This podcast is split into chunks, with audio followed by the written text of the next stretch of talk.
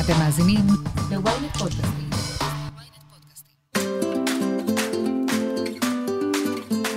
ליאור לב הגשים את החלום.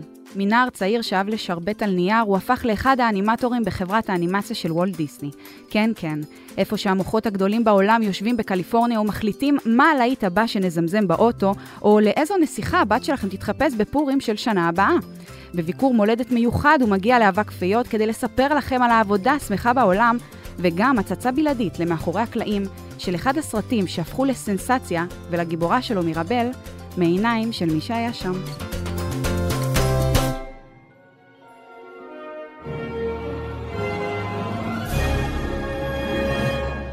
ליאור, שלום. אהלן, מה נשמע? טוב, איך אתה? יש. ג'טלג? עדיין בג'טלג לגמרי, אה, הקפה עוזר. הקפה עוזר. איזה כיף שהגעת לישראל לביקור, ואיזה כיף שהגעת לאבק פיות אלינו. אז קודם כל, תספר לנו איך הגשמת את החלום והגעת לאולפני ההנפשה של אה, וולט דיסני. אוקיי, אה, אוקיי, בוא נראה. אה, טוב, זה מתחיל מילדות, כאילו, מן הסתם ציירתי מאז שהייתי ילד קטן. תמיד ידעתי שאני רוצה לעשות משהו שהוא אמנות, לא ידעתי שזה אנימציה.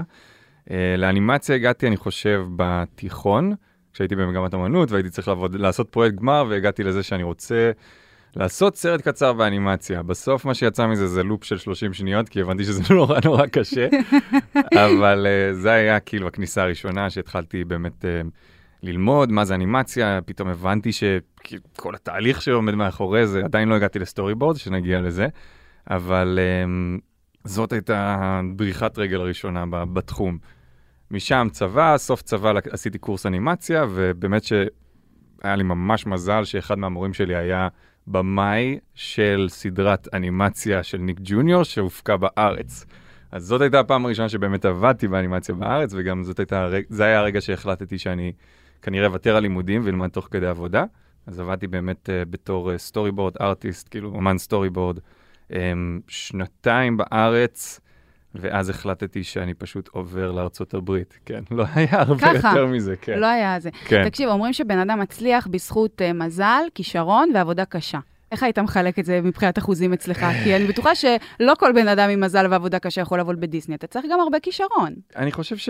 טוב, זו שיחה פילוסופית מאוד, אבל אני חושב שכישרון זה, זה נקודת הפתיחה שלך, ומשם באמת יש הרבה, יש הרבה עבודה קשה. אני חושב שאם את שואלת אותי מה זה כישרון, בעיניי זה פשוט אינטואיציה, כמה אינטואיטיבי זה מגיע אליך, אבל אני חושב שלקחת את זה ואז להבין מה הצעדים הבאים שאתה צריך לעשות כדי להגיע לרמה שאתה רוצה להיות בה, ואיך אתה שם את עצמך במקומות שאתה מוקף באנשים שיכולים להקפיץ אותך קדימה, בעיניי זה, זה יותר חשוב מכישרון. אבל כשהיית. ילד, נגיד, אה, אהבת לצייר? כי אמרת בהתחלה שלא ידעת לשים את האצבע על איזו אומנות. כן, תמיד אהבתי לצייר. אז אם נגיע עכשיו לבית של ההורים שלך, יש שם ציורים של יל... ילדות? יש שם ציורים של ילדות, יש שם גם סיפורים שהם לא הגיוניים בעליל, אין שום היגיון במה שקורה שם, כן. אבל יש שם ניסיון לספר סיפורים, אז, אז זה כבר היה שם, כן. אתה יודע שכשוולט דיסני, אה, עוד כשהוא היה בחיים והיה מתראיין, שאלו אותו על אה, ההתחלה שלו, אז הוא אמר שהוא הגיע להוליווד עם מזוודה ו-40 דולר. מהמם. אז אתה סיפרת, התחלת לספר שנחת בארצות הברית,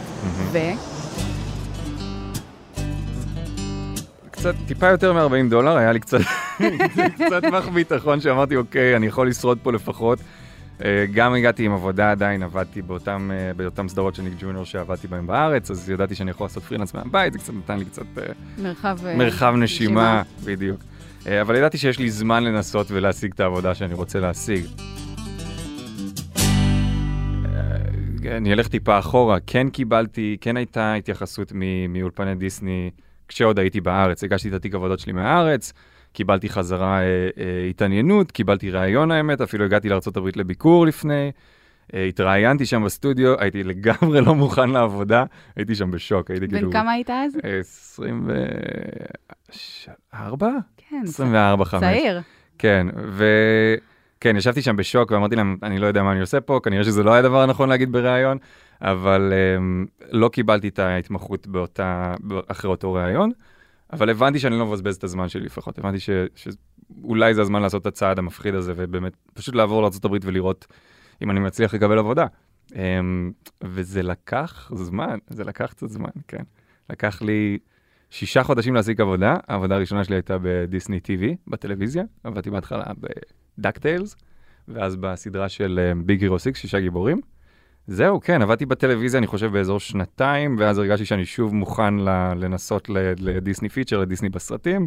הגשתי שוב תיק עבודות, הפעם התקבלתי, וזהו, עכשיו אני... שזה היה לפני כמה זמן? זה היה לפני שנתיים וחצי, שלוש כמעט עכשיו.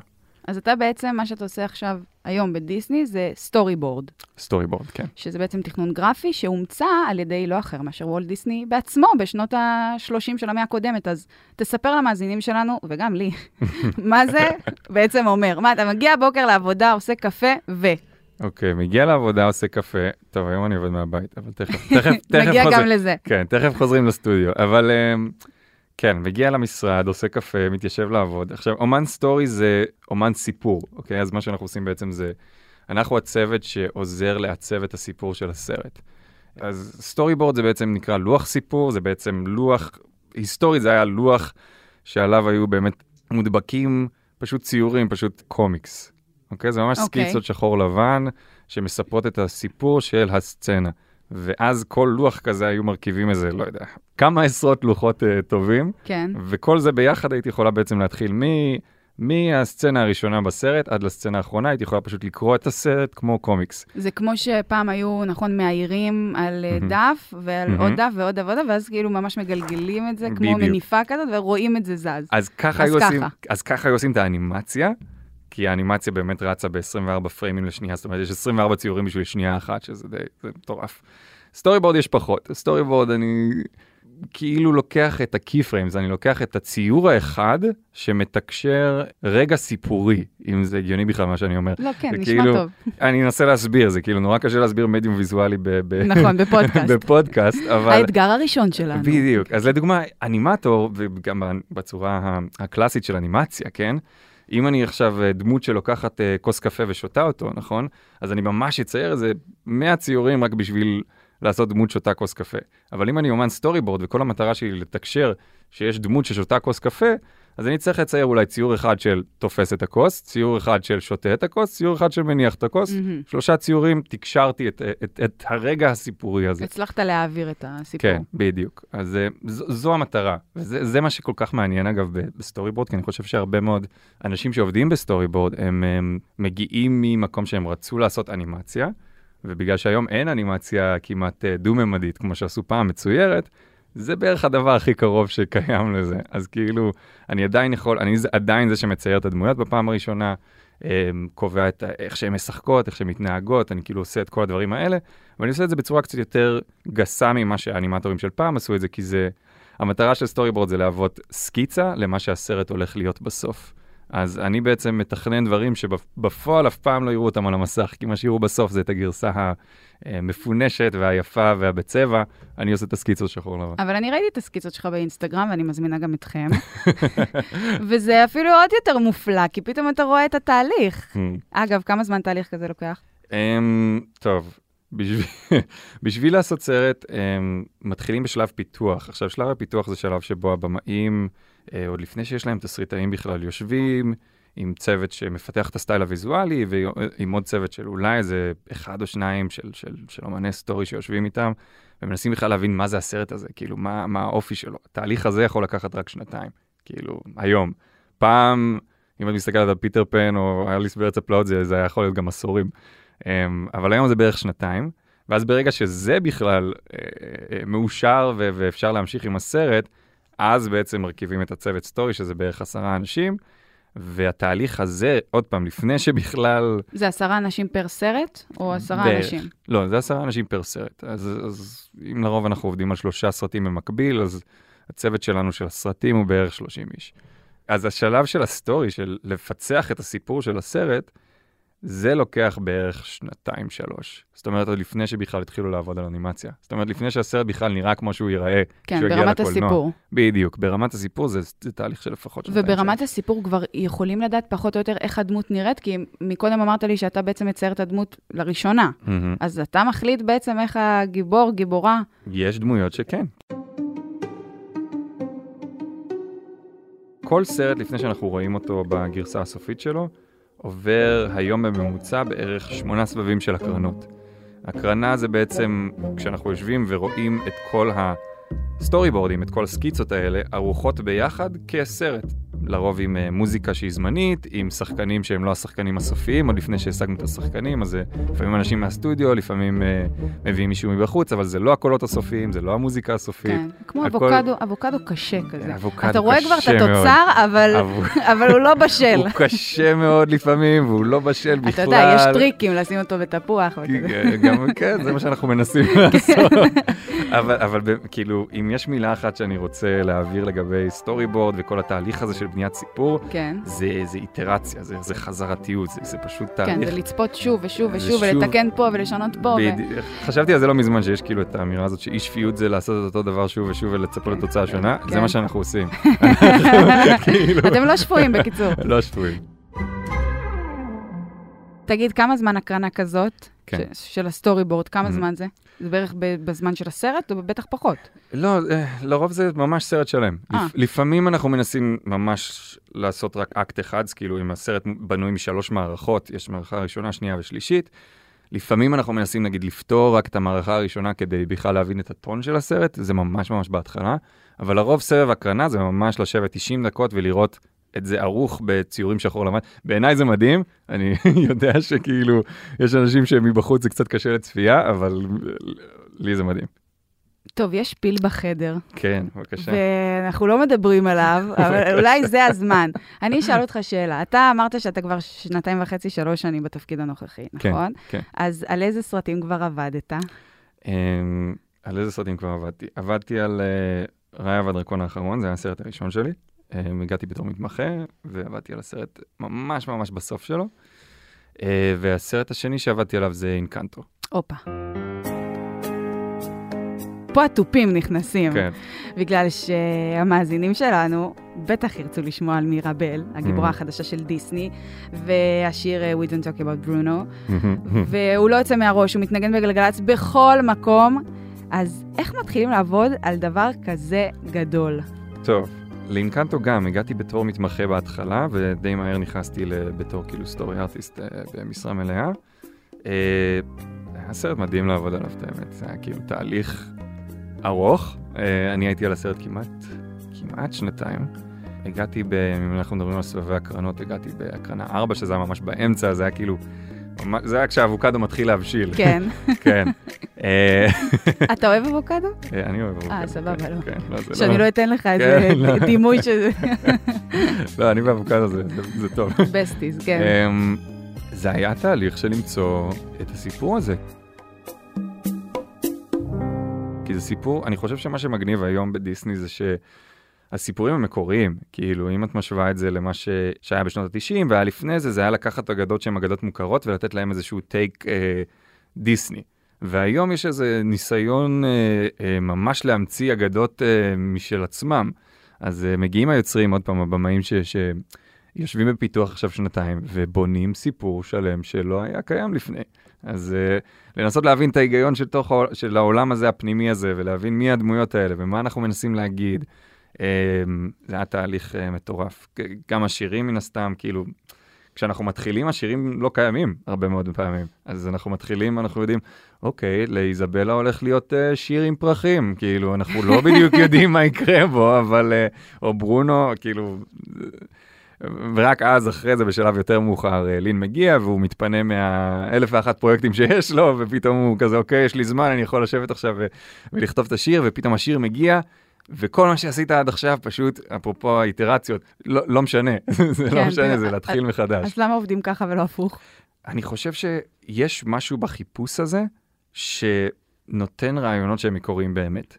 אני חושבת שזה קטע של דיסני, Mm. שהם הם מושתתים הרבה על דמיון. כאילו, עכשיו אנחנו מתפרעים ואז אנחנו נתכנס. בדיוק. יש משהו במחשבה המפוזרת הזאת, שהיא דווקא אחר כך מאוד עוזרת להתכנסות. מהמם. כי מבין כל הדברים שחשבת וייצרת והעלית בדמיון שלך, אתה בוחר את זה, ואלמנט הבחירה פה הוא אולי משהו שהוא אה, גולת הכותרת של דיסני. כן. אה, אחת הסיבות שבאמת החברה הזאת אה, מצליחה בעולם. גם מתוך הדבר הזה, זה- מה שהעלית לי עכשיו זה שבניגוד להרבה סטודיו אחרים ובניגוד לקולנוע live action, יש משהו בתרבות של דיסני שהוא לא, אמ, זה נקרא auteur, שזה כאילו, זה לא, הבמאי הוא כן הבן אדם עם החזון שמוביל את הסרט.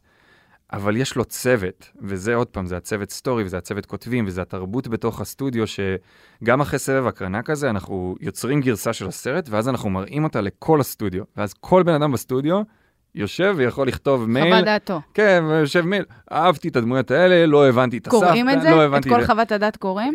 אני לא הבן אדם שקורא אותם, כן. אני כן יודע שאחרי זה בישיבות שאנחנו עושים ומדברים על הסרט, אנחנו מתייחסים ל- ל- לדברים שאנשים אה, העלו. כן, אז יוצא, זה יוצא מין כזה מוח כוורת מוזר כזה ש, שיוצר את הסרט הזה, שאני חושב שבסוף זה מה שגורם ל- לסרטים להיות אה, אה, כל כך נגישים לקהל כל כך רחב, בגלל שעוד פעם, כל כך, בזמן התהליך יש כל כך הרבה פידבק מכל כך הרבה אנשים. טוב, עוד מעט נמשיך, אבל קודם, הפסקה קצרה. היי, אני יובל מן. ואני אושרית גנאל. בעולם הטכנולוגי של היום צריך שמישהו יעשה קצת סדר. הצטרפו אלינו לרפרש, פודקאסט הטכנולוגיה של ynet. בכל שבוע נדבר על מה שחדש ומעניין בעולם הדיגיטלי. רשתות חברתיות, גאדג'טים, המצאות חדשות, וגם הפוליטיקה של חברות הענק. חפשו רפרש בוויינט או באפליקציית הפודקאסטים שלכם.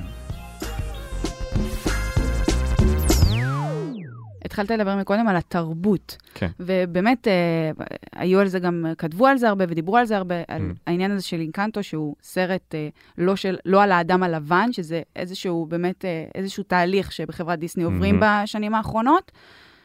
מכינים אתכם לפני זה, אתם צריכים לקרוא משהו, להבין משהו על התרבות, על ההוואי, כי בסוף אתה אמור להעביר לצופים את, את זה.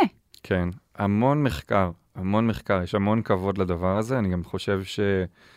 אה, סיפור, נגיד בקולומביה, זה לא מקרי, כי זו מדינה שיש בה המון המון גיוון. הבמאים עצמם וה-Head of Story, שזו ה... זה האנשים שאחראים בעצם על הצוות סטורי שלנו, הם, כל הראשי מחלקות בעצם, הם ממש פיזית נוסעים למדינה שבה הסרט אמור להתקיים. אז הם ממש, הם טסו לקולומביה, הם עשו מחקר שם, היו להם מדריכים מקומיים, את המדריכים המקומיים אחרי זה פגשנו בזום, אז לצורך העניין היה לנו באמת אנשים מדהימים. אה, ממש לקחו אותנו פיזית לסיור, אז כאילו, אה, היא בזום עם אה, מצלמה, והיא לוקחת אותנו לסיבוב באיזה כפר קולומביאני כזה, ללמוד ולהכיר אנשים ולהכיר תרבויות ולהכיר אוכל. כן, אני חושב שרמת ה- ה- ה- הכניסה לפרטים היא די מדהימה. וכן, יש, יש, זה המון בשיח. אני אישית חושב שזה דבר מאוד מבורך. אני חושב שזה פותח המון דברים, כאילו, גם שיחות בתוך הסטודיו של, של, של איך לייצג אנשים שלא לא ראינו על המסך קודם. כאילו, אפילו ברמה הכי טכנית בעולם, זה באיך בתלת מימד, באנימציה תלת מימדית, איך ממדלים שיער מטולטל, או איך ממדלים שיער שחור, כאילו. זהו, זה נראה לנו כל כך קל. כן, בדיוק. אבל לא. אבל לא, אבל צריך ממש, צריך פתאום להגיד, אה, וואו, בחיים לא עשינו את זה קודם, אז עכשיו צריך לשבת ו- ולפתור את זה. טוב, אני חושבת שזה קרה גם, אה, היה איזשהו אתגר עם השיער של ריפונזל, אז, שאיך איך גורמים לכל הדבר הזה להיראות אה, אמ- אמין. כן. כן. ליאור, אני מאמינה שבעולם הזה שלך יש הרבה אנשים שאתה מסתכל עליהם ואומר, וואו, כזה אני רוצה להיות כשאני אהיה גדול. קח אותי לאחד מהאנשים האלה, אולי שהתווה את הדרך, או גרם לך לחלום בגדול. Hmm. האמת שהכרתי אותו בשלב הרבה יותר מאוחר, אבל uh, רק אחרי שנכנסתי לסטודיו, האמת. אבל uh, יש אה, אומן uh, uh, שנקרא ביל פיט, אומן storyboard בדיסני, אגדי, uh, ממש התווה את הדרך למה ש storyboard יכול להיות. Uh, אני חושב שהוא הצטרף בשלגיה כבר. בשלגיה אני חושב שהוא היה מתמחה, וואו. גם על פינוקיו. אני חושב שהיה לו הרבה אה, beef עם אה, דיסני, כי אני חושב שהוא לא קיבל, את הקר... הוא לא קיבל קרדיט על פינוקיו. אז אה, כן, הוא, הוא היה בן אדם מאוד דעתן, ממש כאילו נתן fight לדיסני, בקטע של כאילו איך לעצב את הקול של דיסני, ואפשר ממש לראות את זה, כי הוא עשה את כל ה storyboard ל... לכלבים וגנבים ולספר הג'ונגל. ו... וואי, אה, שני סרטים שאני ממש אוהבת. מדהימים, ולשניהם יש טון קצת אחר, קצת אחר ממה שהיה עד אז. אני חושב שזה פשוט הוא, אז הוא עשה ממש את כל ה storyboard לכל הסרט, כי לרוב אמרתי זה עבודת צוות. וואי, זה מטורף. ספציפית כן, ספציפית אצלו זה היה ממש חזון שלו מההתחלה ועד הסוף. דיסני גם מאוד שמח עליו, אז הוא אמר לו כאילו, קח את זה ורוץ עם זה עד הסוף. אפשר לחפש אונליין, אגב, כאילו תכתבו ביל פיט, תראו את ה storyboard ים שלו, פשוט הצורה שבה הוא יכול להעביר רעיון אחד בציור אחד, זה master, כאילו, זה בן אדם ללמוד ממנו. טוב, אני מקווה שכבר עשיתם גוגל, ואם לא, חכו לסוף הפרק, ואז תעשו. תגיד, יש הבדלים uh, ב storyboarding ב- בתקופות של דיסני? למשל, כשאני מדברת על דיסני, מרצה על דיסני, אז אני לרוב מחלקת את זה לשלוש תקופות. יש את התקופה הקלאסית, שזה של הנסיכות, שלגיה, אורורה, סינדרלה. Uh, יש את תקופת הרנסאנס, שלי מהמם. שנות ה-80 עד שנות ה-2000, מבת הים ועד uh, הרקולס. ויש את uh, שנות ה-2000, שזה בעצם ימינו אנו, שגם את התקופה הזאת כבר אפשר לחלק. אפשר לחלק. כן. אמ, אז יש הבדל? פעם הדברים היו נעשים על אה, נייר ועיפרון, אז אה, כתוצאה מזה הצורת עבודה הייתה קצת שונה. היום אנחנו עובדים בצורה דיגיטלית, אז היום אני עובד באמת עם אה, עט, עם מסך, אני מצייר ממש לתוך המסך ישר, אה, לתוכנות, וזה משנה את צורת העבודה, פשוט בגלל ש... אם פעם היו באמת שמים את זה על הלוח סיפור, שבגלל זה זה נקרא סטורי בורד, והיו אה, לוקחים מקל כזה של, אה, כמו של מורים כזה, ומצביעים, ועכשיו מפה לפה ופה, הם עושים ממש את ה... זה מדהים, נראה, יש לזה גם כסף. יש לזה חן מטורף, כן. והאמת שאני מאוד, מאוד הייתי רוצה לעשות את זה. אז היום אנחנו יושבים עכשיו בחדר, או בזום היום, אמ, וממש מקליקים פשוט, אנחנו מציירים את כל הציורים שלנו, ואז פשוט מקליקים. אז כאילו אנחנו ממש רואים את זה זז, בלי לראות את הבן אדם יושב, עומד מול הזה ומציג את זה. אבל... אנחנו עדיין צריכים, בדבר הזה שנקרא פיץ', אנחנו עדיין צריכים לעשות הגשה לדבר הזה, ובעצם לעשות את כל הקולות של הדמויות, לנסות למכור את הסצנה. אז אנחנו ממש רוצים לגרום לבן אדם להרגיש מה זה עושים את הקולות? עושים את הקולות. תן לי כאילו, דוגמה. אה, מה עושים את הקולות? אם דמות עכשיו צועקת על דמות, אז אני ממש צועק, כאילו, אני ממש עושה את זה, או אם יש עכשיו פיצוץ, אני אעשה, ואז אה, זה, הוא מגיע לפה, ואני עושה פיצוץ וקולות כאלה של... כן, זה, הרבה כישורי משחק אה, אה, מוגזמים לגמרי, וכן, זה גורם לך להיות חסר בושה בסוף היום. טוב מאוד. תגיד, אתה עוד מצייר? אתה עוד... יצא לך להחזיק עט לאחרונה? כן, לא, אנחנו מציירים כל הזמן. כל הזמן. כן, אני. הדבר היחידי שאני יודעת לצייר, אבל באמת. זה את אה, מיקי מאוס. או. וזהו. עכשיו אני, אני אז באמת אני רוצה לא לראות. יודעת אם אני רוצה, אז אני מתביישת מולך, אני- אבל זה באמת הדבר היחידי, זה ואולי בית. זהו. עכשיו אני באמת סקרן. יש, יש, יש פייסבוק לקבוצה, לפודקאסט? יש פייסבוק, יש עכשיו עמוד פייסבוק חדש ל-ynet פודקאסטים, אתם מוזמנים, אם כבר העלית את זה, אני- אתם מוזמנים אני- לעשות לנו לייק, ויש לך את הטלפון שלי. אני כבר, אני כבר רוצה לאתגר אותך לפרסם שם את המיקי, אוי ואבוי לי. ממש לא. זה דו-מימדי, אגב, אני לא מצליחה לעשות אותו משהו אחר. טוב, די, אנחנו, אנחנו אוקיי. מדברים פה וזה, ו- ו- ו- והמאזינים שלנו בטח רוצים לשמוע עוד על מיראבל. מינה בל. אה, תספר לנו עוד דברים מעניינים שעשית, סצנות שאיירת והן אה, חקוקות לך, אה, האופן שבו החלטת איזה שמלה בפעם הראשונה שאתה מצייר, אה, של אחת הדמויות, אה, אתה יודע, כל ה juice stuff. כן, אה, תן קצת ג'וס. אמ, קודם כל הגעתי אליו מאוד אה, צעיר ומפוחד לתוך הסטודיו, ואני ממש זוכר את הישיבה הראשונה שלי עם, ה, עם הבמאים, שהם במאים שאני מעריץ, כאילו זה חבר'ה שעשו את אה, אה, Zootropolis, Zootopia, לשבת איתם בישיבה, למזלי זה היה בזום כבר, זה היה כאילו אחרי תקופת הקורונה, ואני לפחות בגרביים ו- וטרנינג כזה, להוריד את הפאניקה, אבל אני זוכר שזה היה אחרי הקרנה מספר 4, ואנחנו יושבים בסוף ההקרנה, ו- ואז התקילו אותי ואמרו לי, ליאור, מה אתה חושב על הסרט? כאילו, בסדר, זה, זה עוד היה אבוקדו לא בשל, כן. כאילו, אני כזה, מה אני אומר? יהיה טעים. ואני, ואני ממש זוכר את עצמי לחוץ והפה שלי התייבש ואני לוקח כזה. שלוק כזה מהטייק יותר מדי כזה זה. וכאילו ביירון כאילו שהוא במאי מדהים ובן אדם אדיר הוא כאילו תפס אותי ועושה לי כזה פשוט חיכה אותי עושה את ה... אז הוא עושה לי כזה מה אתה לחוץ אני כזה "כן, אני לא. לא, אני מנסה לתאר אה, זה אותך כן. ברגע הזה, כמה כן. זה מלחיץ שאחד האנשים שאתה נושא מבטו אליו, פתאום אומר לך מה אתה חושב. פתאום אומר, הדעה שלי חשובה. בדיוק, כן, זה מלחיץ בטירוף, כן. אבל אמ, אני חושב שבמאי טוב נותן לך את התחושה שאתה בצד שלהם ואתה, ואתה לטובת הסרט, ואז אתה יכול להיות מאוד ביקורתי, כי זה התפקיד שלנו בסוף היום, אנחנו רוצים לעשות סרט טוב. ולהיות ביקורתי, אבל בצורה ש, אמ, שעוזרת, לא בצורה שמעכבת. אז זה ממש למצוא פתרונות במקום זה. אז אתה יכול להגיד, יש פה בעיה, אבל גם למצוא את הפתרון. הסרט הזה מלא בדברים מופלאים, החל מהתסריט והסיפור והצבעים והשירים ופסקול מטורף. מהמם, והגיבורה, ואיך שהיא נראית, הכל שונה בסרט הזה, והוא קיבל בישראל אה, אה, תעודה מאוד מאוד גדולה. כן, אמ, אז אני יכול לספר על הסצנה הראשונה שעבדתי עליה. לפעמים אתה מקבל תסריט שלם, לפעמים אתה מקבל שתי שורות. אז הסצנה הראשונה שעבדתי עליה זה היה כשכל הכפר של האינקנטו מגיע לטקס של אנטוניו.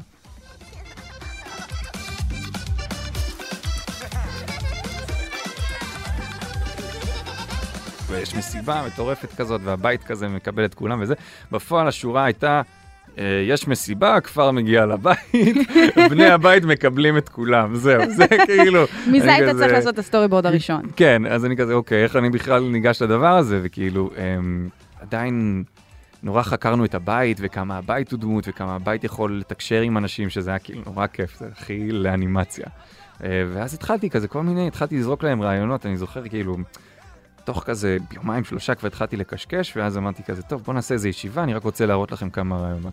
זה היה כזה, טוב, הבית יכול אה, לקחת להם את הכובע ואת המעיל כזה, ויכול לקבל קבלת אורחים, והם כזה, אה, מגניב, יאללה, בוא נעשה את זה. אני כזה, אה, באמת? אוקיי. ו, אה, ואז אה, צורת מחשבה אחרת הייתה, איך הכוחות אה, של, של כל בן משפחה, כאילו, איך, איך הם מתקשרים עם הכפר, עם זה. אז נגיד, עשיתי ש...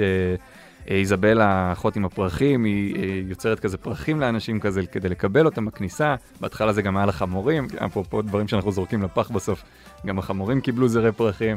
לואיסה, האחות החזקה, המצאנו שהיא עושה אה, שירות ולה, היא כאילו מחנה את החמורים. אז היא כאילו נותנת לאנשים ממש כזה פתק בכניסה, זה מאוד אלי אגב, הוולה הזה, אבל כאילו נותנים לך פתק עם המספר, ולוקחים לך את הזה, אז היא לוקחת את החמור, מחנה אותו בחנייה, אז זה כאילו, זה היה מטורף, ואז אחרי זה, מה שהיה ממש מגניב זה שאחרי שהסצנה הזאת כבר הייתה קיימת, זה היה אמור להיות סתם מוזיקת רקע, אבל אז הם הראו את זה ללין מנואל מירנדה שכתב את השירים, ופתאום הוא חזר עם השיר הזה, קולומביה מינקנטו, שהיה גם בטריילר וזה, אז הוא כאילו כתב את השיר הזה על הסצנה הזאת, שמבחינתי זה היה כאילו רגע מטורף.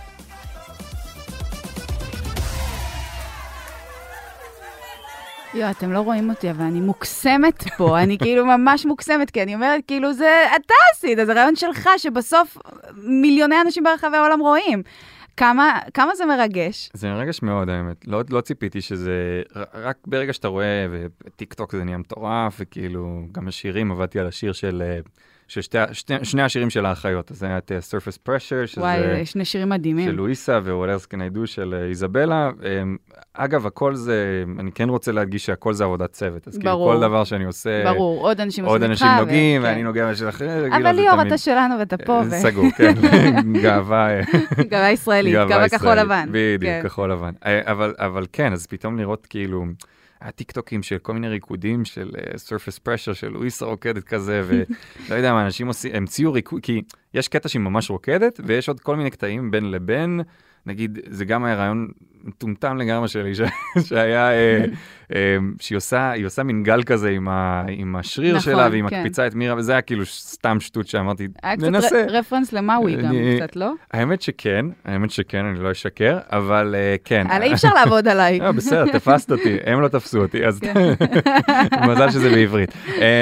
לא, אבל כן, אבל אבל אז נגיד לראות את לראות אנשים מגיבים לזה, ולא יודע, כאילו גם גם התגובות ה- ה- היותר אמוציונליות שאנשים התחברו לזה בצורה רגשית, וגם התגובות פשוט של של הכיף של זה, פשוט לראות אנשים מגיבים לזה, זה די מטורף. כי בזמן כן. שאנחנו עובדים, אנחנו עוד פעם צוות פיצי, וזה מרגיש... זהו, למי שמסתכל על זה מבחוץ, אני, אז נראה שכאילו אתה כל יום אתה בא לחגיגה וזה, אבל בסוף גם צריך להגיד, אתה בא לעבוד. כן, כאילו, אתה כן. בא לעבוד, אחר כך רואים את הקסם. ליאור, אז איך בכלל חשבתם על הדמות של מירבל? איפה זה מתחיל התהליך הזה? טוב, אז בגלל שהצטרפתי למירבל, באמצע די פגשתי אותה באמצע התהליך, אבל um, הדמות הג... הראשית בעצם, הגיבורה של הסרט, היא הדמות שבעצם מתקשרת את התמה, שזה הרעיון המנחה של הסרט. זה בעצם, לא יודע אם לקרוא לזה מוסר השכל, כי לא תמיד זה כזה ברור, אבל היא, היא הדמות שהולכת לעבור את התהליך הכי, um, הכי גדול ומשמעותי במהלך הסרט, ואנחנו... בתור הקהל נחווה את זה איתה ונגיע איתה בסוף לאיזושהי מסקנה. אז uh, עם מירבל לדוגמה היא דמות שמתחילה, מאוד לא בטוחה בעצמה ומאוד uh, uh, לא מוצאת את המקום שלה בתוך המשפחה, הרי זה כזה כל, ה, כל הקטע של הסרט.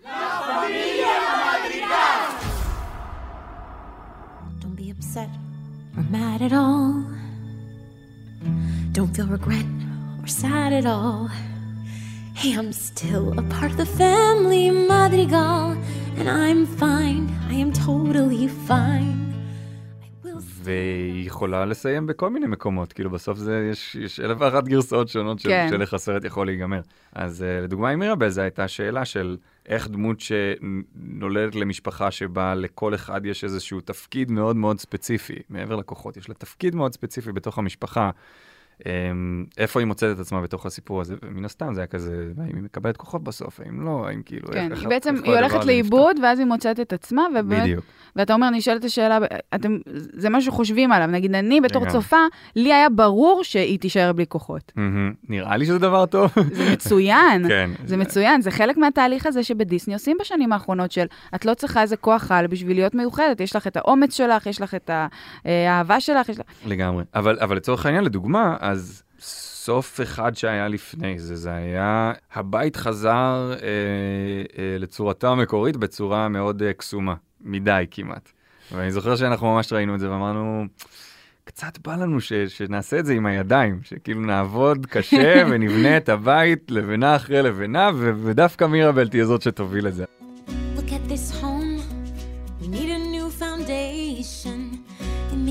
Hopeless, but we'll get by just fine. Look at this family. רגע כזה שכאילו פתאום משהו כזה מקליק בסרט ואנחנו אומרים כזה, יאללה, זה, זה המקום שלה, זה התהליך שהיא הייתה צריכה לעבור ממקום של, היא בן אדם שלא מוצא את עצמו בתוך המשפחה, ומתוך התהליך הזה של להכיר כל בן ובן משפחה ולהכיר את הבעיות שלו ולהבין, לקבל איזה פרספקטיבה שונה, היא גם בסוף הבן אדם שיכול להוביל את המשפחה ב, בנקודה הכי נמוכה שלה. כזה. אז היה, עוד פעם, זה התהליך הזה שדמות עוברת, שהוא, שהוא בעיניי ה... ממש הבסיס של כל סרט, זה כאילו באמת התהליך הסיפורי הזה של מה זה, זה, זה סטורי, בתכלס. Hola, casita. אתה זוכר בטח את ההקרנה הראשונה שהלכת לראות את הסרט הזה. כן. שלא במסגרת העבודה, ממש אה, אה. לקולנוע. לקולנוע של אינקנטו. כן.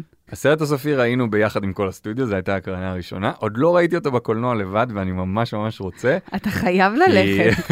אני רוצה לראות, אה, אני כן רוצה לראות תגובה של הקהל. האמת שהיה, אפרופו, אה, דיברנו לפני זה על... אה, על סטורי ארטיסט אגדיים שאני מעריץ, יש איזה אחד, ג'ו רמפט, שהוא היה מפיקסאר, ומה שהוא היה עושה, הוא היה, כל סרט שהם היו עושים, הוא היה הולך בסוף ורואה את זה איזה עשר פעמים לבד בקולנוע.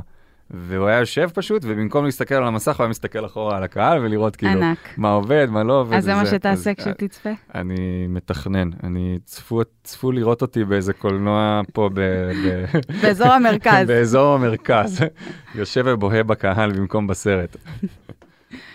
תגיד, אה, ההורים גאים זה בטוח.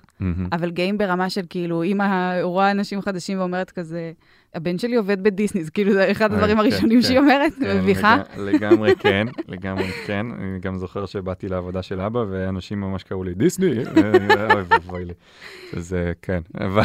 תגיד, מי הבוס? מי הבוס כשאתה מגיע למשרד, נגיד בימים כתיקונם, כשבאמת. מגיע, עוד מעט נדבר על זה שעבדתם בקורונה וזה. כן, אה, מי הבוס? אז אה, פר סרט, לכל צוות סטורי יש Head of Story, יש כאילו ראש המחלקה של, של הסרט הזה. שזה אם תקבל קידום זה מה שיהיה?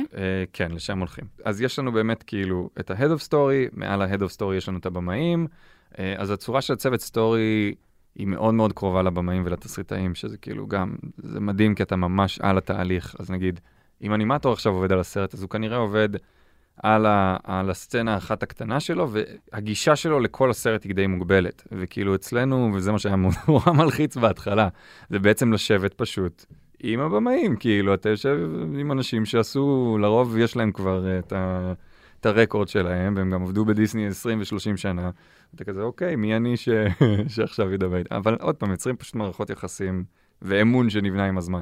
אבל כן, זה, זה, זה הבוסים שלנו, זה כאילו ה-Head of Story והבמאים. נדבקת בקורונה, תגיד?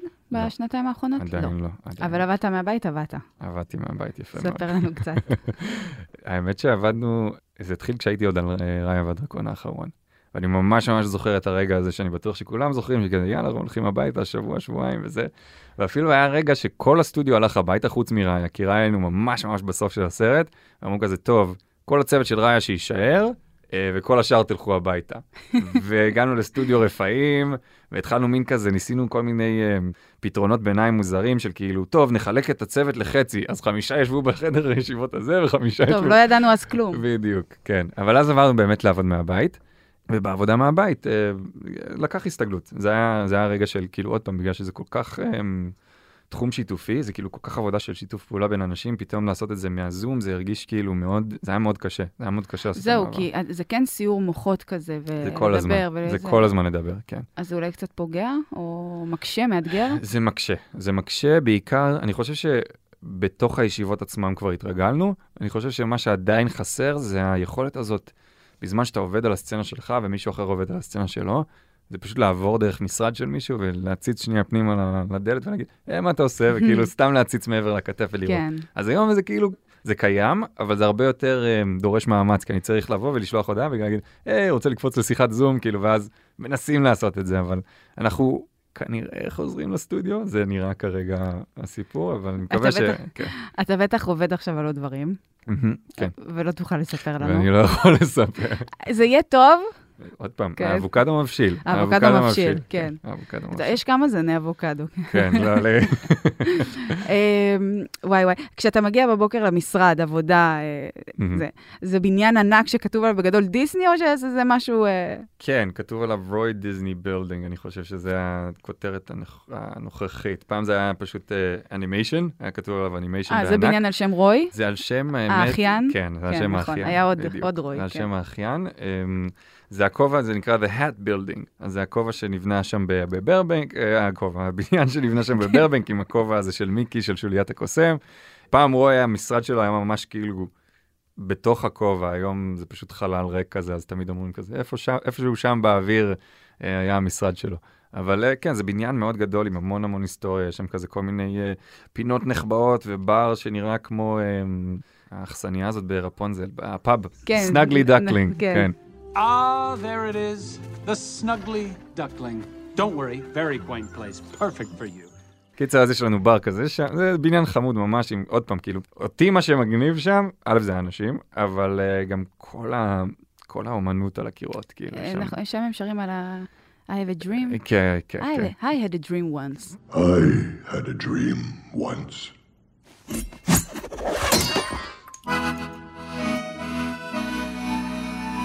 כמה העבודה הזאת תובענית מבחינת השעות? מבחינת השעות זה משתנה. Uh, בעיקרון, כאילו, עבודה רגילה, um, אבל עוד פעם, כל סבב הקרנות אנחנו פתאום, פתאום יש כזה קראנץ' טיים שכאילו חייב, כאילו, אנחנו כזה, טוב, עכשיו זה, עכשיו זה המאני טיים, עכשיו רצים על זה, וכאילו, אז אפשר, אפשר לעבוד גם לתוך הלילה. אבל אה, זה... אבל זה, אתה זה- מצליח לנהל חיים, וזה כן, בסופו של דבר... כן, כן. אתה חי איפה? תספר לנו. אני חי בלוס אנג'לס, בברבנק, אה, הקטנה והמשעממת. זה מין עיר, עיר קטנה שמאוד לא... כן, אבל נגיד, אז אתה עובד בעבודה אה, הכי כיפית בעולם כנראה, אה. ובעיר גם אה, שנחשבת לאחת הערים הטובות בעולם, אה, אבל אה, עם עבודה כזאת יש, יש זמן לצאת, ליהנות, לבלות, כן. זוגיות, כאילו, כן, אתה, גם- אתה וגם. מצליח לנהל אני חיים. חי חיים נורמטיביים לחלוטין. אני לא, לא חי בסרט של דיסני וזה... כן. אני כן אגיד שזו קהילת אנימציה שזה היה לי מאוד כיף, כאילו להגיע מישראל וממקום שאתה... אתה רגיל שכולם מכירים את כולם, ואנשים כאילו מאוד חמים, ו- ו- ויש כזה... יש קהילה. אה, מאוד כאילו, יכול להיות מפחיד שאתה עובר לארה"ב עם מדינה כזאת ענקית, שפשוט לאבד שם.